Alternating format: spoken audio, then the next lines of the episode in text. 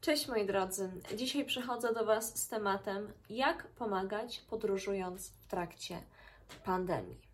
Nie e, oszczędzę sobie bardzo filozoficzne rozpoczęcia tego tematu, jak to, jak, jak czas pandemii jest trudny i jak bardzo odcisnął piętno na krajach, które żyły z turystyki, to każdy wie.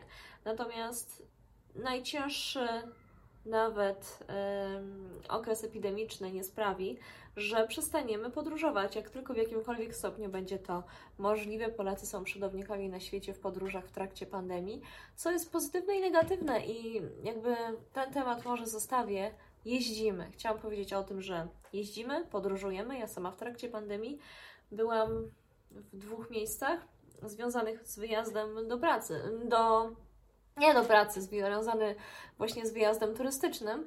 I chciałam Wam powiedzieć o trzech sposobach, jak można w trakcie pandemii pomagać, naprawdę komuś pomóc, y, długoterminowo ich pewnego, pewnych rzeczy ucząc mniej lub bardziej inaczej niż rozdawać pieniądze. No więc pierwsza zasada, właśnie tych pieniędzy nie rozdawajmy. Oczywiście, jeżeli widzimy, że ktoś nas o pieniądze prosi, szczególnie jeśli dziecko prosi o pieniądze, no to serce nam się kraje i chcielibyśmy mu dać, szczególnie jeżeli mówią słowa typu nie mam co jeść, nie mam na obiad, ale pamiętajcie o tym, że bardzo często są to praktyki, są to słowa, frazy, które uczą i dorośli po to, żeby wyciągnąć pieniądze. Wiedzą, jak grać na naszych uczuciach i nie chcę powiedzieć, że wszyscy, bo tego nie mogę wiedzieć, ale niestety przez długi czas studiowałam to, jak wygląda podejście do nas, Was, wszystkich, do podróżników podróżujących z krajów bogatych, jakimi traktowana jest Europa, do krajów e, Afryki, na przykład w ogóle krajów trzeciego świata. Trzeba pamiętać o tym, że rasizm działa również w obie strony i tak i od tego zacznijmy. Nie rozdawajmy pieniędzy. Pierwsza rzecz. Druga. Kupujmy, uczmy ich pewnych zachowań. To znaczy, dzieci mają być w szkole, a jeżeli nie chodzą do szkoły, to nie mają żebrać. Dorośli nie mają prawa uczyć dzieci żebrać. A to, że właśnie dzieci chodzą i proszą o pieniądze, to jest żebranie i my dając te pieniądze, niestety długoterminowo uczymy te dzieci, że po co chodzić do szkoły. Lepiej pójść na ulicę, i wyżebrać. I bogaty Amerykanin, Europejczyk te pieniądze da. Bo co się uczyć? No właśnie. Więc nie rozdając pieniędzy, pamiętajmy, że to nie znaczy, że mamy nie pomagać. No i druga rzecz, już do rzeczy, jak pomóc. Na przykład właśnie zabierzmy, yy, jeżeli spotkamy jakąś kobietę w sklepie biedną, no, no, no, ja to bardzo skracam, prawda? Nie podjedziemy do pierwszej lepszej kobiety, przepraszam, czy jest Pani biedna i czy nie chce Pani, żebym coś kupił, ale chodzi mi o to, że czasami poznajemy w trakcie wyjazdu osoby, poznajemy historię ich rodzin. Idźmy tam czasami, zróbmy zakupy, jeżeli wchodzimy w ogóle w kontakt z lokalcami, zróbmy zakupy, kupmy rzeczy najpotrzebniejsze, nie dajmy pieniędzy, kupmy worek ryżu, jakieś takie, no to produkty, które mogą im na długo posłużyć, długo mogą z tego gotować, przygotowywać obiady na ich tam potrzeby.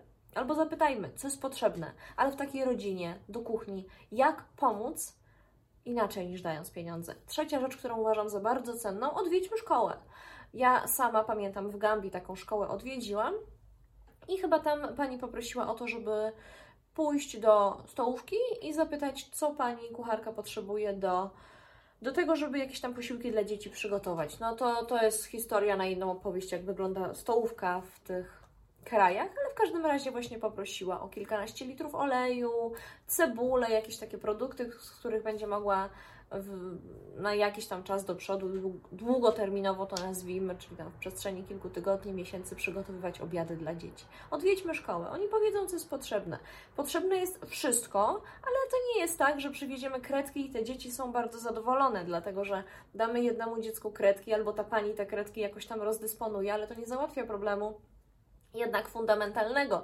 To, że dziecko nie będzie miało czym pisać, no to to nie jest aż tak trudne, jak to na przykład, że dziecko nie ma co tej szkole zjeść, bo nie ma z czego tych obiadów przygotować, więc warto właśnie w taki przemyślany sposób pójść do dyrektorki, nie chodzić do szkoły po to, żeby robić dzieciom zdjęcia, jak wygląda szkoła w tam jakimś kraju trzeciego świata i jakie to jest straszne, że dzieci się uczą siedząc na podłodze, czy tam pół biedy podłodze na jakimś klepisku, tylko lepiej właśnie wybrać się i pomóc w taki sposób, że coś kupimy. To nie muszą być wielkie kwoty, ale ta pomoc jest przemyślana.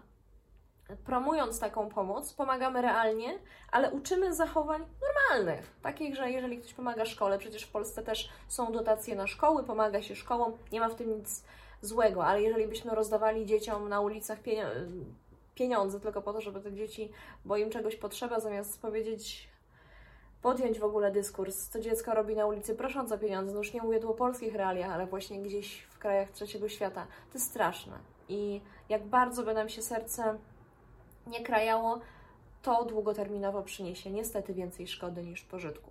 Także nie dajemy pieniędzy.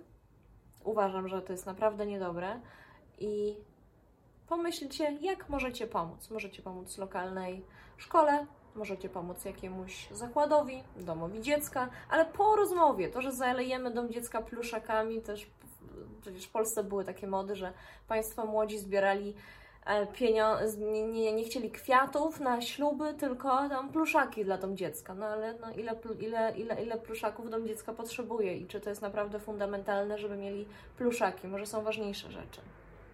Więc te realia są aktualne wszędzie i wybierając się w podróż, warto się nad tym zastanowić, jak możemy pomóc, ale realnie pomóc, a nie długoterminowo szkodzić. Więc tyle dzisiaj, krótko, szybko i konkretnie ode mnie. Pozdrawiam Was majowo.